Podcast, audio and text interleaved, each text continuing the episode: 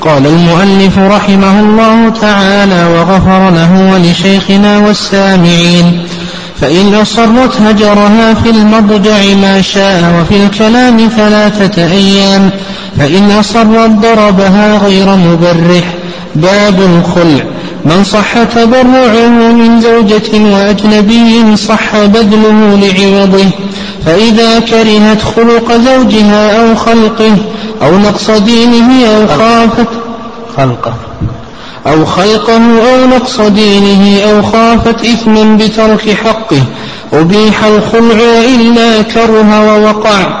فإن عضلها ظلما للافتداء ولم يكن لزناها أو نشوزها أو تركها فرضا ففعلت. تقدم لنا جملة من أحكام القسم بين الزوجين بين الزوجات وذكرنا من ذلك هل يجب على الزوج أن يقسم لزوجاته أو لا يجب وأن العلماء رحمه الله لهم في ذلك رأيان.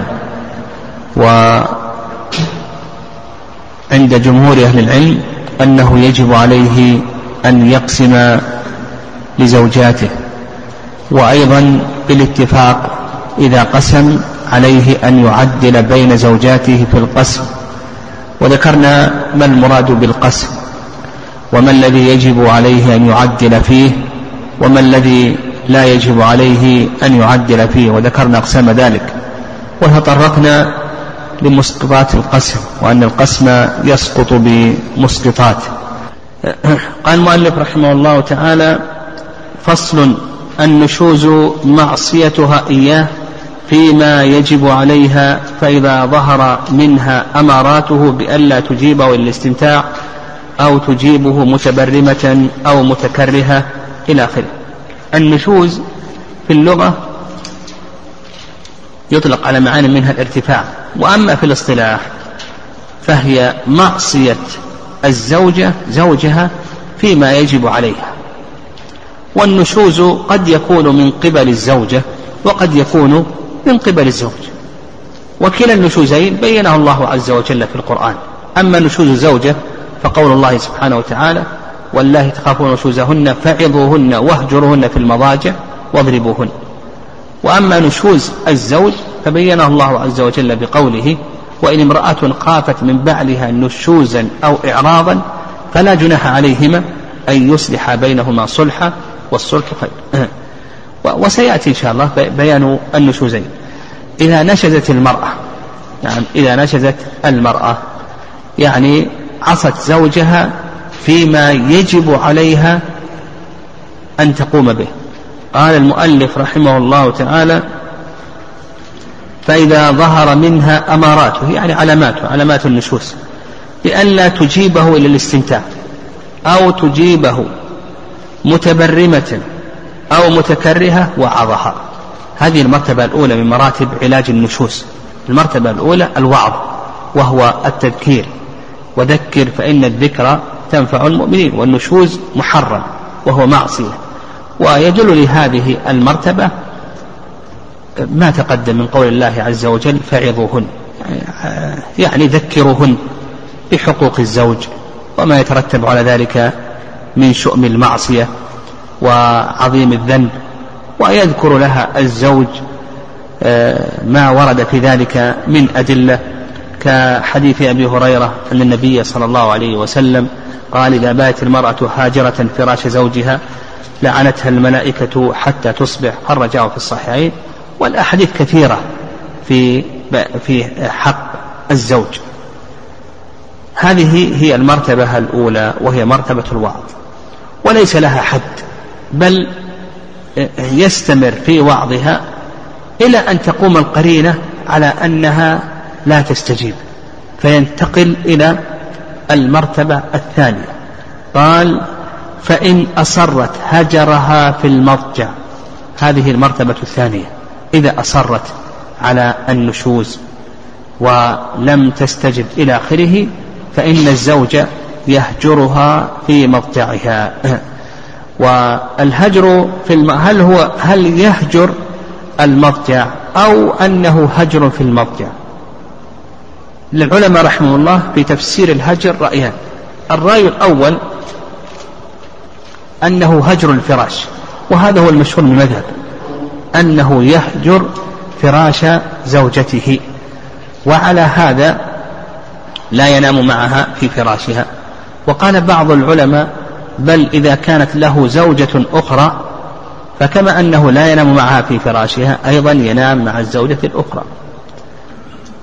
والرأي الثاني الرأي الثاني أن المراد بذلك أن المراد بذلك عدم هجر الفراش وإنما يهجر المرأة. ينام في الفراش ويهجر المرأة بألا ينظر إليها ولا يتحدث معها ونحو ذلك. وهذا القول هو الصواب لأن الله سبحانه وتعالى قال والله تخافون نشوزهن فعظوهن واهجروهن في المضاجع. قال اهجروهن في أي شيء؟ في المضاجع. ما قال اهجروا المضاجع؟ قال اهجروهن واهجروهن في المضاجع. وهذا القول هو الصواب. ولأن هذا أيضا أبلغ في الردع والزجر والتأديب وما مدة الهجر. يعني يهجرها في المضجع ما مدة الهجر. بعض العلماء قال والمؤلف رحمه الله قالوا في الكلام ثلاثة أيام. يعني بعض العلماء رحمهم الله قال بأنه يهجر ثلاثة أيام. والمؤلف رحمه الله تعالى. نعم. قيد الكلام بثلاثة أيام. المهم الهجر في المضجع للعلماء رحمهم الله تعالى في ذلك رأيان. الرأي الأول وهو قول جمهور أهل العلم أن مدة الهجر غير مقدرة. وهذا هو المشهور في المذهب. واستدلوا على ذلك بإطلاق الآية. والرأي الثاني أنها تقدر بشهر ويدل ذلك فعل النبي صلى الله عليه وسلم مع زوجاته. لما آل منهن لما طالبنه بالنفقة وهو لا يجد فآل النبي صلى الله عليه وسلم منهن شهرا. وهذا قول المالكية. نعم هذا قول المالكية. والذي يظهر والله أعلم أنه لا يقدر بمدة لأن الهجر يقصد منه التأديب. وإذا كان كذلك فإذا كان الزوج يرى أن المصلحة قائمة في الهجر فإنه يهجر سواء كان لمدة شهر أو أقل أو أكثر. وأيضا نعرف مسألة وهي مسألة الهجر. الهجر ينقسم إلى قسمين القسم الأول الهجر الذي يقصد منه التأديب. كهجر الزوج زوجته إذا لم تقم بحقوقه وهجر الوالد لولده إذا عصاه وهجر العاصي المذنب إلى آخره هذا لا يتقدر بمدة وإنما مرجعه إلى المصلحة. فإذا كان هناك مصلحة فإنه يهجر بمقدار تلك المصلحة. هذا القسم الأول وهو الهجر الذي يقصد منه التأديب والإصلاح. ويدل لهذا هذه الآية فإن الله سبحانه وتعالى أطلق وهجر المخلفين في غزوة تبوك كم؟ خمسين ليلة.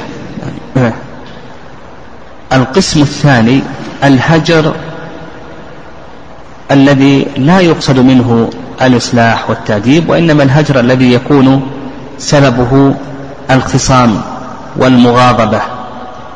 كما لو حصل بين شخصين شيء من الخصام والمغاضبة والتنازع ونحو ذلك فهذا لا يجوز أن يزيد على ثلاثة أيام. لأن الأصل أن المسلم يقوم بحق أخيه المسلم ولا يحل لمسلم أن يهجر أخاه فوق ثلاثة أيام. هذا هجر ماذا؟ الذي يكون سببه الخصام والشجاع إلى آخره. هذا لا يزيد على ثلاثة أيام والحديث الوارد في ذلك محمول على هذا القسم.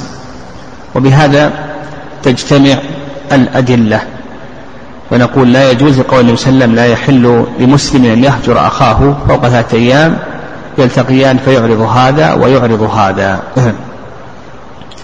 ولأن الأصل أن يقوم المسلم بحق أخيه المسلم. حق المسلم على المسلم خمس وفي رواية ست. إذا مرض فعده وإذا مات فاتبعه وإذا دعاك فأجبه وإذا عطس فحمد الله فشمته إلى آخر الحديث. فتلخص لنا أن الهجر ينقسم إلى هذين القسمين. طيب قال المؤلف رحمه الله وفي الكلام ثلاثة أيام. نعم. آه. المؤلف رحمه الله تعالى يقول الكلام يهجرها في الكلام ثلاثة أيام فقط. وهذا قول جمهور أهل العلم لما تقدم من حديث الصحيحين أن النبي صلى الله عليه وسلم قال لا يحل لمسلم أن يهجر أخاه فوق ثلاثة أيام. والرأي الثاني أنه لا يتقدر بمدة. وهذا الحديث كما قلنا محمول على ماذا؟ ها؟ الهجر الذي يكون في حال مخاصمة. يعني وقع بينك وبين شخص مخاصمة ونزاع وشجار هذا رخص لك الشارع أن تهجره إلى ثلاثة أيام. دون ذا أكثر من ذلك لا تهجره. أما الهجر الذي يقصد منه الإصلاح والتأديب فهذا لا يتقيد. وهذا القول هو الصواب. وعلى هذا نقول أيضا الهجر في الكلام لا يتقيد بثلاثة أيام ما دام أن المقصود منه الإصلاح والتأديب. قال المؤلف رحمه الله تعالى فإن أصرت يعني لم تنجح المرحلة السابقة وهي مرحلة الهجر فإنه يسير إلى المرحلة الثالثة وهي مرحلة الضرب. والضرب دليله القرآن كما تقدم والله تخافون نشوزهن فعظوهن واهجروهن في المضاجع واضربوهن. وأيضا ما ثبت من حديث عبد الله بن عمر أن النبي صلى الله عليه وسلم قال مروا أولادكم بالصلاة وهم أبناء سبع. واضربوهم على ذلك وهم أبناء عشر. وأيضا حيث ببردة في الصحيحين لا يجلد فوق عشرة أصوات إلا في حد من حدود الله. المقصود بالجلد هنا جلد التأديب كما حمله شيخ الإسلام تيمية رحمه الله تعالى. والضرب اشترط له شروط. قال لك المؤلف رحمه الله غير مبرح. هذا الشرط الأول. نعم الشرط الأول أن يضربها ضربا غير مبرح. يعني لا يكون الضرب ضارا. ولا يكون شاقا. ولأن المقصود من الضرب هو التأديب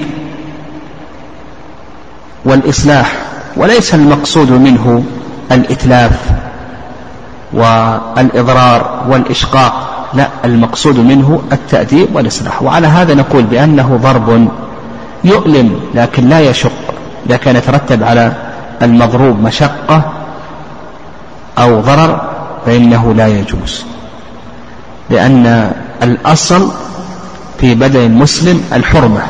إن دماءكم وأموالكم وأعراضكم عليكم حرام. فالأصل الحرمة.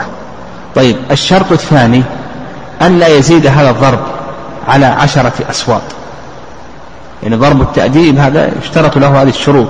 الشرط الثاني ألا يزيد على عشرة أصوات ودليله ما تقدم حيث ببردة في الصحيحين أن النبي صلى الله عليه وسلم قال لا يوجد فوق عشرة أصوات إلا في حد من حدود الله.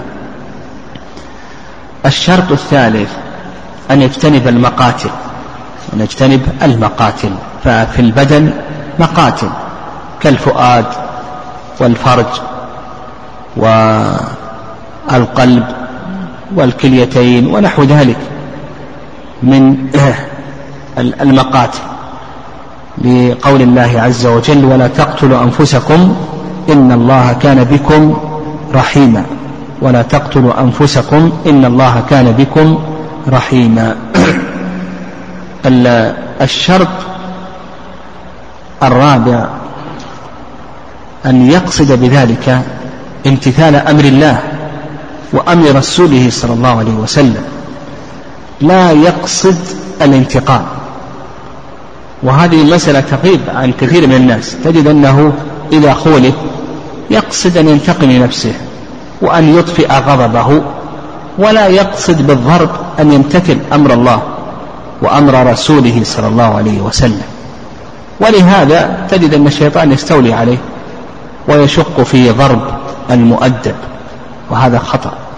بل الواجب عليه أن يمتثل لأنه إذا امتثل أمر الله نوى أن يمتثل أمر الله وأمر رسوله صلى الله عليه وسلم. كان ضرب هذا عبادة يؤجر عليه. وإذا قصد أن ينتقم لنفسه وأن يطفئ غضبه ونحو ذلك لا يؤجر بل, بل يأثم على ذلك. لأن الأصل ماذا؟ الأصل في بدن المسلم الحرمة. الأصل في بدن المسلم الحرمة. الشرط الخامس أن يكون المؤدب ممن يحتمل التأديب. فإن كان لا يحتمل التأديب لصغره أو لكونه مريضا أو نحو ذلك فإنه لا يؤدبه وإنما يكون تأديبه بالتوبيخ ونحو ذلك. نعم ونحو ذلك. طيب. هذه المراتب. نعم المراتب الثلاث. طيب بقي مرتبة رابعة. نعم بقي مرتبة رابعة. ويضيف الفقهاء الحنابلة رحمهم الله مرتبة خامسة. لكن هذه المرتبة يعني ال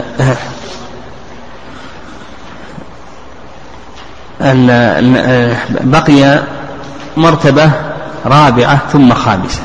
المذهب يضيفون الرابعة ويضيفون الخامسة. الرابعة هذه لا دليل عليها وهي أن ينصب القاضي ثقة يشرف عليهما ينصب القاضي يعني إذا ادعى كل من الزوجين ظلم صاحبه.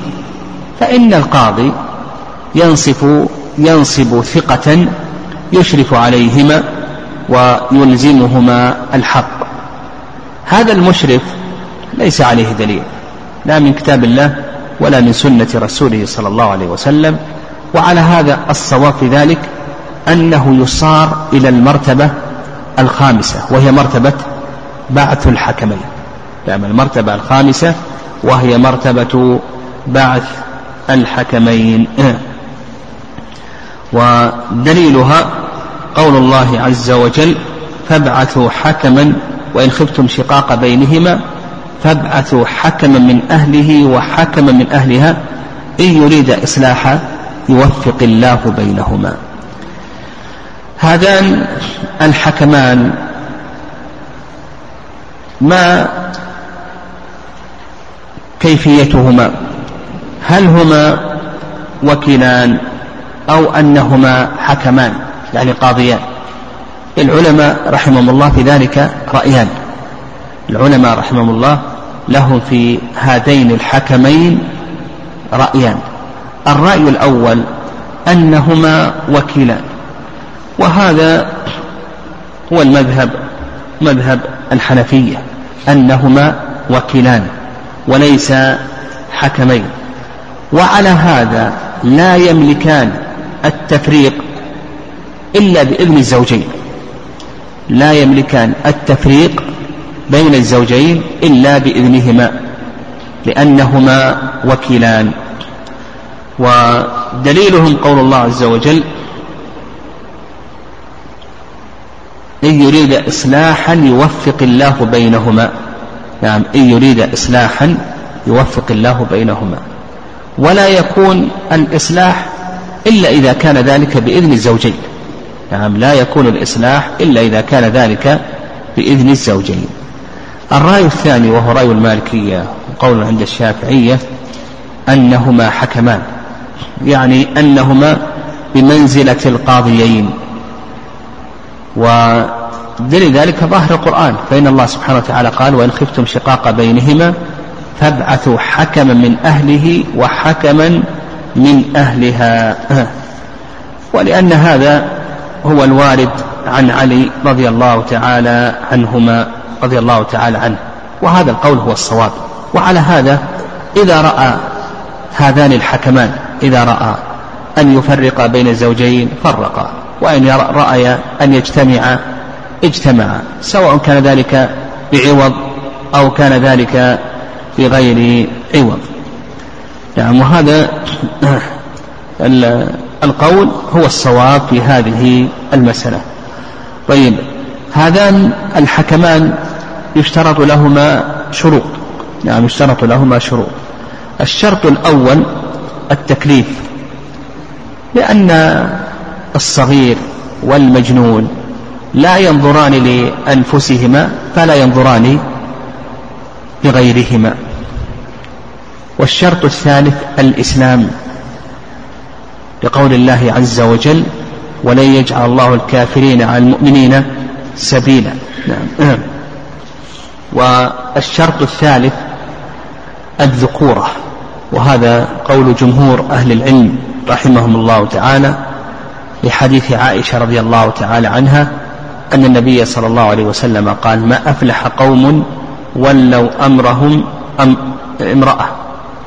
وهذا ما عليه أكثر أهل العلم خلاف الحنفية. والحنفية كما سيأتينا في باب القضاء أنهم يتوسعون في ولاية المرأة. يعني الحنفية هم أوسع الناس فيما يتعلق بولاية المرأة. لكن الصواب في ذلك هو ما عليه جمهور أهل العلم. الشرط الخامس العدالة يعني الشرط الخامس أو الرابع يعني الشرط الرابع العدالة. والعدالة هذه يشترطها جمهور أهل العلم رحمهم الله تعالى. والصواب كما تقدم نشترط بدل العدالة ماذا؟ الأمانة. نشترط الأمانة لأن الله سبحانه وتعالى اشترطها بقوله سبحانه وتعالى إن خير من استأجرت القوي الأمين. والشرط السادس أو الخامس علم الحكمين يعني أن يكون الحكمان أن يكون الحكمان عالمين بالجمع والتفريق وما يصلح الزوجين. وهذا هو المشهور من المذهب وكذلك أيضا مذهب المالكية. والرأي الثاني أن هذا ليس شرطا. الرأي الثاني أن هذا ليس شرطا. لأن الواجب هو الإصلاح والإصلاح لا يتطلب علما. والذي يظهر والله أعلم هو الرأي الأول. الشرط السادس أن يكون أن يكون الحكمان من أهلي الزوجين. لأن الله سبحانه وتعالى قال فابعثوا حكما من أهله وحكما من أهلها. وهذا قول المالكية للآية. وعند جمهور أهل العلم أن ذلك لا يشترط.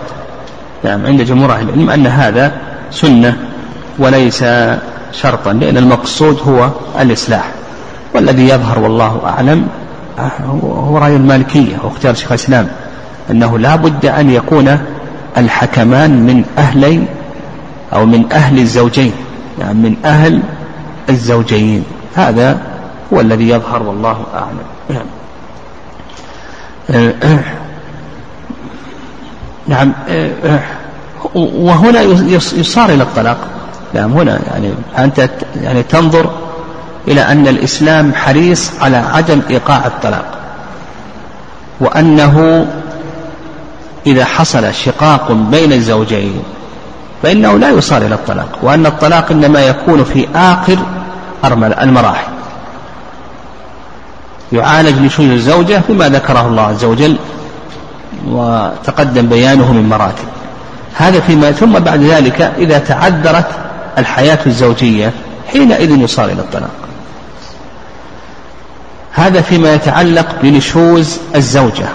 أما نشوز الزوج فبينه الله عز وجل بقوله وإن امرأة خافت من بعلها نشوزا أو إعراضا فلا جناح عليهما أن يصلحا بينهما صلحا.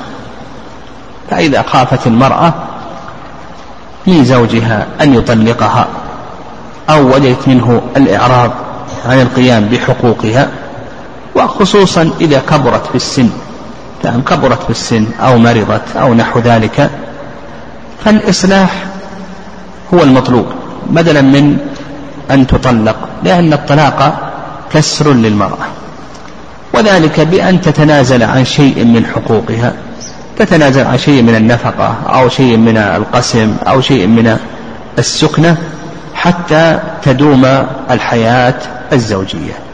وكون الزوجة في ظل زوج خير لها أو كون الزوجة في ظل زوج خيرا لها من أن تظل بلا زوج. لا شك أن الزوج وإن قصر في بعض حقوق الزوجة إلا أنه يكفي أن, تكون في ظله وأن لها من يقوم عليها ويكفلها ويحصل لها شيء من الأنس والألفة وحفظ البيت والأولاد ونحو ذلك. أيضا قبل أن ننتقل إلى باب الخلع سبق أنه يجب على الزوج أن يعدل بين بين زوجاته في مسائل. وذكرنا هذه المسائل. من هذه المسائل ما يتعلق بالسفر فإنه يجب على الزوج أن يعدل بين زوجاته في السفر. وهذا هو المشهور من مذهب الإمام أحمد ومذهب الشافعية. يجب عليه أن يعدل بينهن. ويدل لذلك قول الله عز وجل وعاشروهن بالمعروف وليس من المعروف أن يسافر بهذه ويترك هذه. وأيضا حديث كعب بن مالك حيث عائشة أن النبي صلى الله عليه وسلم كان إذا أراد سفرا أقرع بين نسائه. خرجاه في الصحيحين. وعند الحنفية والمالكية أنه لا يجب على الزوج أن يعدل بين زوجاته. إلا أن المالكية أخف من الحنفية. المالكية أخف من الحنفية في هذه المسألة. فالمالك الحنفي يقول لا يجب عليه. إذا أراد أن يسافر له أن يتخير ما شاء من زوجاته. لأن هذه الزوجة قد تصلح للسفر وهذه قد لا تصلح. هذه قد تكون كبيرة. ها؟ وهذه قد تكون صغيرة. وهذه قد تكون لها أولاد. وهذه قد لا تكون لها أولاد هذه قد تكون مريضة إلى آخره المهم هم يقولون بأن أن أن أنه لا يجب عليه لماذا؟ ها؟ لأن بعض الزوجات قد تصلح للسفر وبعض الزوجات قد لا تصلح للسفر كما ذكرنا الرأي المالكية وإن قالوا هم في الجملة يقول لا يجب أن يعدل إلا أنهم يقولون لا يتخير إلا إذا كان هناك مصلحة. إذا كان هناك مصلحة. يعني لا يتخير تشهن وإنما إذا كان هناك مصلحة. مثلا هذه آه، المرأة معذورة وهذه غير معذورة فيأخذ هذه لكونها غير معذورة. ويستثنون من ذلك سفر الحج سفر الغزو. يقولون بأن سفر الحج وسفر الغزو عبادة. هذا لا بد أن يقرع بين نسائه. والصواب في هذه المسألة هو هدي النبي صلى الله عليه وسلم وأنه يجب على الزوج أن يعدل بين نسائه وعلى هذا إذا أراد أن يسافر فإنه يقرع بين نسائه. لكن إذا أراد أن يكرر السفر مرة أخرى فمن قرعت هل تدخل في القرعة مرة أخرى أو نقول بأنها لا تدخل؟ ظاهر كلام كثير من العلماء أنها تدخل. لكن الشافعية ينصون على أنها لا تدخل. فمثلا لو كان عنده أربع زوجات وأجرى القرعة خرجت القرعة على الأولى. ها؟ فإن وسافر بها ثم أراد أن يسافر مرة أخرى. هل تدخل من قرعت؟ أو نقول بأنها لا تدخل؟ ها؟ الذي يظهر والله أعلم أنها لا تدخل وهذا هو أقرب إلى العدل. يعني هذا أقرب إلى العدل أنها لا تدخل مرة أخرى. وعلى هذا يقرع بين الثلاث البواقي إيه. ثم يقرع بين الاثنتين ثم يسافر بالأخيرة. ثم لا حاجة إلى القرعة مرة أخرى. من سافر بها أولا تكون النوبة ماذا؟ تكون النوبة نوبتها. إيه. طيب إذا سافر نعم إذا سافر في نوبة المرأة. هل يقضي لها إذا رجع؟ أو نقول بأنه لا يقضي لها إذا رجع. إذا سافر في نوبة المرأة هل يقضي لها إذا رجع؟ أو نقول بأنه لا يقضي. نقول بأن هذا لا يخلو من أمرين. الأمر الأول أن يسافر في النهار. فهذا لا يقضي لها لأن الأصل في القسم هو ماذا؟ الليل والنهار إنما هو تابع. ولهذا بعض الشافعية يرى أنه في النهار يدخل لحاجة ولغير حاجة. وعلى هذا نقول إذا سافر في النهار فإنه لا يقضي لها إذا رجع. طيب القسم الثاني والأمر الثاني إذا سافر في الليل إذا سافر في الليل فإن كان في آخر الليل بعد النصف فهذا لا يقضي لها لأن نوبتها قد مضت. وإن كان في أول الليل قبل النصف فهذه يقضي لها لأنه في الحقيقة لم يوفها نوبتها. هذا الذي يظهر والله أعلم.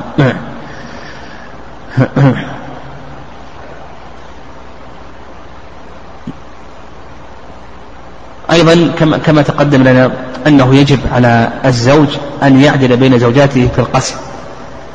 ذكرنا أن القسم هو توزيع الزمان على الزوجات.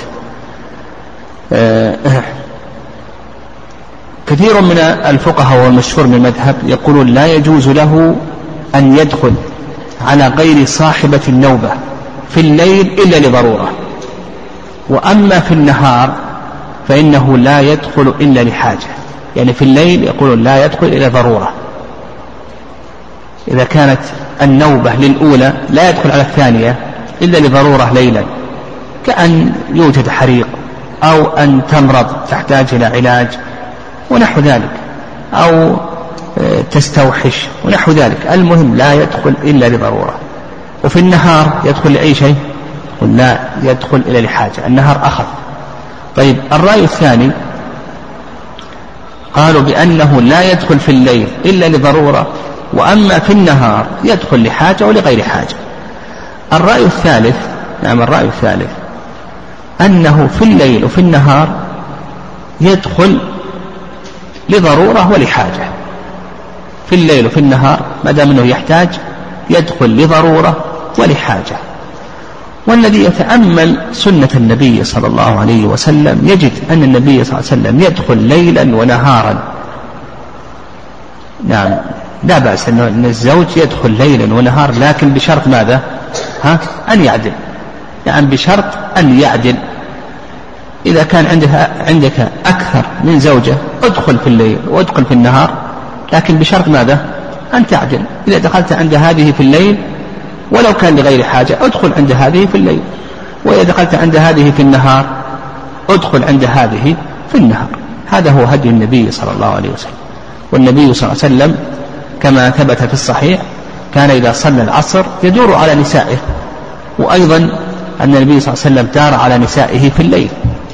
نعم دار على نسائه ليلا و اغتسل غسلا واحدا في وطئهن. هذا مما يدل على أن النبي صلى الله عليه وسلم يدخل ليلا ونهارا لحاجة ولغير حاجة. هذا الذي يظهر والله أعلم. والمقصود من ذلك هو ماذا؟ تحقيق العدل فإذا حقق العدل الزوج نقول الأمر في ذلك واسع. يعني أما ما ذكره الفقهاء رحمه الله أنه لا يدخل في الليل إلا ضرورة في النهار لحاجة فهذا فيه شيء من التضييق والتشديد.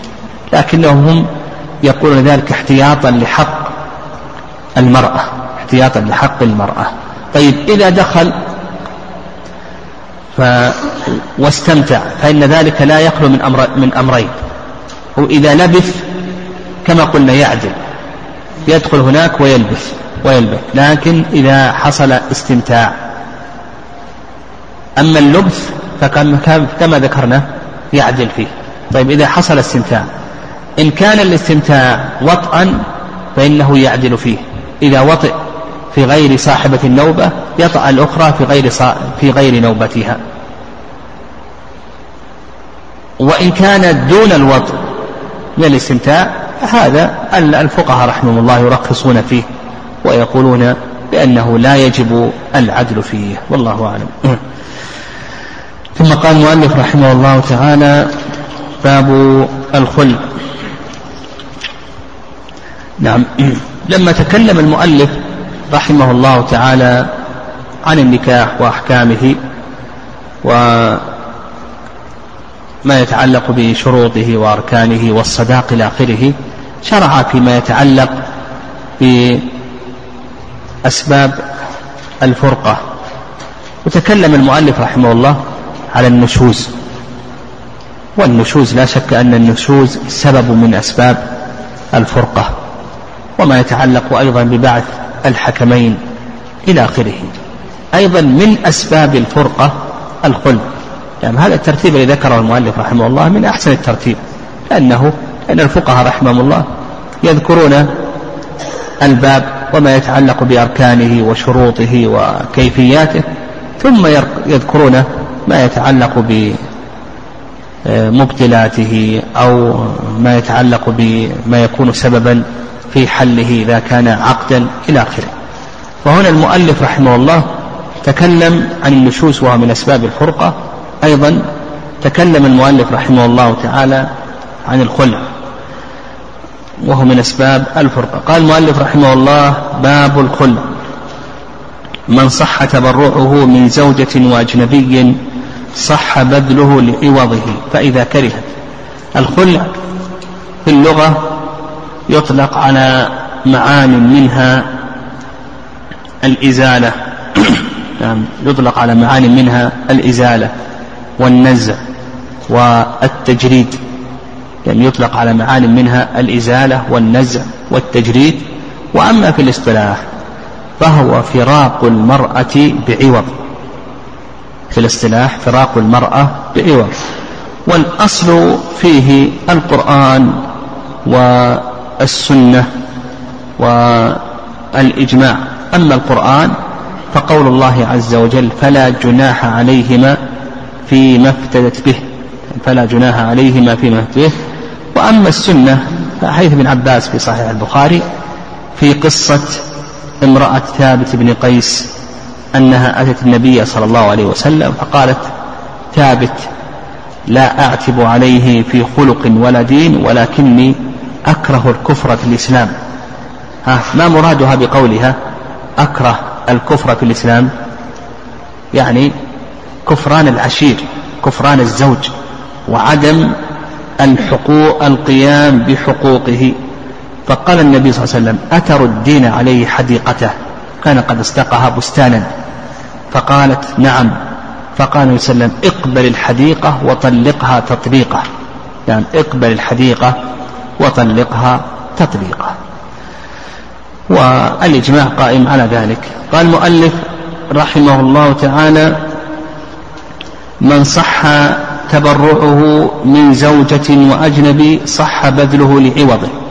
من هو الذي يصح منه الخلع من هو الذي يصح منه بذل العوض لحصول الخلع يعني من هو الذي يصح منه بذل العوض لحصول الخلع قال المؤلف رحمه الله من زوجة من هذه بيانية.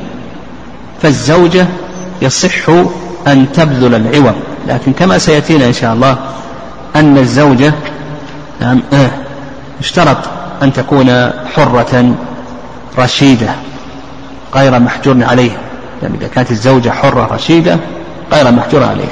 فالزوجة إذا كانت من أهل من توفرت فيها هذه الصفات حرة ورشيدة وليست محجورة عليها يصح أن تبذل العوض لكي تفتدي نفسها وهذا بالإجماع.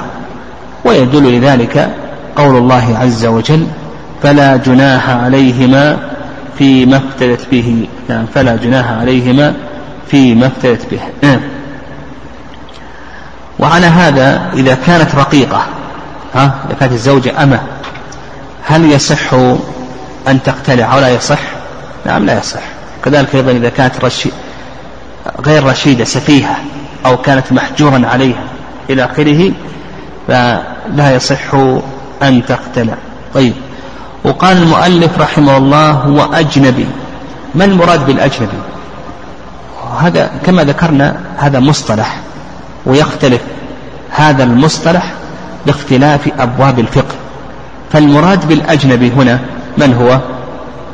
غير الزوجة صح. لأن الأصل أن الذي يقوم بالخل ببذل العوض في الخل هو الزوجة. فالمراد بالأجنبي هنا غير الزوجة. آه يؤخذ وعلى هذا لو أن أخاها بذل العوض للزوج لكي يفارقها صح أو لم يصح؟ صح. أو أن جدها إلى آخره بذل العوض إلى آخره صح ذلك. وهذا ما ذهب إليه جمهور العلماء رحمهم الله تعالى. يعني هذا قول الأئمة. نعم لأنه بذل مال في إسقاط حق فصح من الزوجة ومن غيره. بذل مال في إسقاط حق فصح من غير الزوجة. الرأي الثاني وهو قول الظاهرية أيضا قول أبي ثور أنه لا يصح. الخلع من الأجنبي. واستدلوا على ذلك بظاهر قول الله عز وجل فلا جناح عليهما فيما افتدت به. يعني الزوجة. وأيضا الله أن الله سبحانه وتعالى يقول ولا تكسب كل نفس إلا عليها. فلا يكسب أحد على غيره. يعني إنما يكسب الإنسان على نفسه. والصواب في هذه المسألة وما ذهب إليه جماهير العلماء رحمهم الله. جماهير العلماء أنه يصح. ولأن هذا يعني يقصد به الإصلاح الخلع هذا يقصد به الإصلاح. كما ذكر شيخ الإسلام تيمية رحمه الله أنه, أن أنه فك للمرأة كفك الأسير. وكما أن الأسير يفك كل يفكه يعني يجب على فرض كفاية على المسلمين أن يفكوا أسراهم. فكذلك أيضا هنا لأن المرأة أسيرة عند الزوج. يعني المرأة أسيرة عند الزوج فتحتاج إلى الفكاك. فالصواب في هذه المسألة ما ذهب إليه جماهير العلماء رحمهم الله تعالى. لكن خلع الأجنبي هذا ينقسم إلى أقسام. يعني خلع الأجنبي نقول بأنه ينقسم إلى أقسام. القسم الأول أن يخلع الزوجة لمصلحته هو. حكمه محرم ولا يجوز. كأن يخلعها من زوجها لكي يتزوجها. يقول هذا محرم ولا يجوز وهو من عمل السحرة. السحرة هم الذين يفرقون بين المرء وزوجه. القسم الثاني أن يخلعها لمصلحة غيره. يعني أن يخلعها لمصلحة غيره. يعني لمصلحة زيد من الناس لكي يتزوجها. أيضا نقول بأنه محرم ولا يجوز كما سلف. ولا يصح الخلع أيضا. المس القسم الثالث أن يخلعها لا لمصلحة أيضا. أيضا حكمه كما سلف. القسم الرابع أن يخلعها لمصلحة الزوج. كأن تكون الزوجة مؤذية لزوجها. الزوجة تكون مؤذية لزوجها والزوج لا يتمكن من نعم الزوج لا يتمكن من الطلاق لأنه قد لا يجد مهرا يتزوج به فيعطيه مهر هذه المرأة لكي يقوم بخلعها فهذا صحيح. والقسم الرابع أن يخلعها لمصلحة الزوجة نفسها أيضا هذا صحيح. قد تكون الزوجة لا كارهة للمقام مع الزوج كما سيأتينا فيعطيها المال لكي تخلع نفسها. القسم الخامس أن يخلعها لمصلحتهما جميعا. أيضا هذا صحيح. إذا خلعها لمصلحتهما جميعا نقول بأن هذا صحيح. قال المؤلف رحمه الله فإذا كرهت خلق زوجها فإذا كرهت خلق زوجها أو خلقه. الخلق الصورة الباطنة والخلق الصورة الظاهرة. فيقول الزوج إذا كرهت خلق زوجها يعني صورته الباطنة كأن يكون سيء الأخلاق.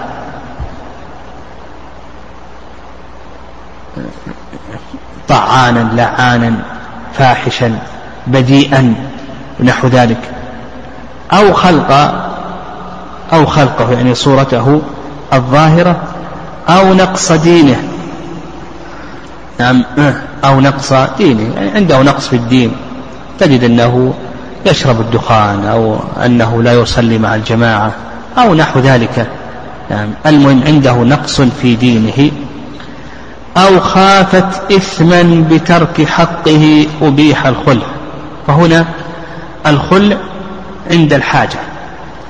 إذا كان هناك حاجة إلى الخلع نعم بأن يخاف ألا يقيم الزوجان حدود الله.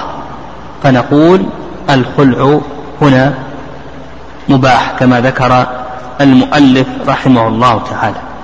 فإذا خيف ألا يقيم حدود الله نعم كما ذكر المؤلف رحمه الله نقول بأن الخلع هنا صحيح ومباح ودليله قول الله عز وجل فإن خفتم ألا يقيم حدود الله فلا جناح عليهما فيما افتدت به.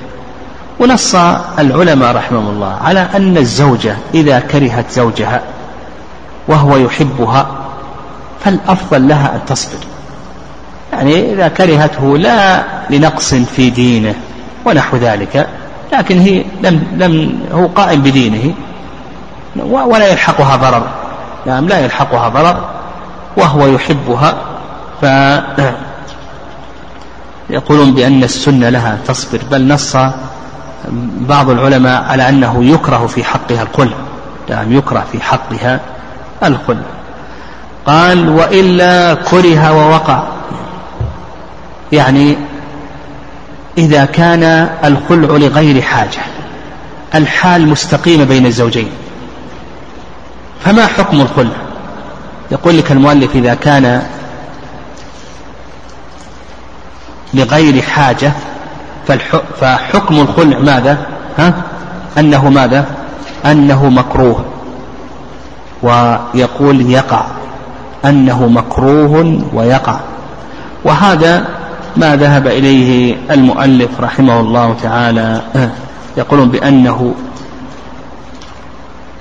مكروه ويقع. وهذا رأي جمهور أهل العلم رحمهم الله واستدلوا بقول الله عز وجل فلا جناح عليهما فيما فتت به.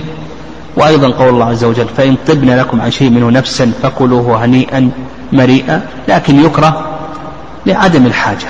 نعم يكره لعدم الحاجة. والرأي الثاني نعم الرأي الثاني وهو رأي الظاهرية اختاره شيخ الإسلام تيمية رحمه الله وهو رواية عن الإمام أحمد رحمه الله أنه لا يجوز أنه مع استقامة الحال نقول بأن الخلع لا يجوز. قال شيخ الإسلام تيمية رحمه الله الخلع مع استقامة الحال محدث يعني محدث في الإسلام.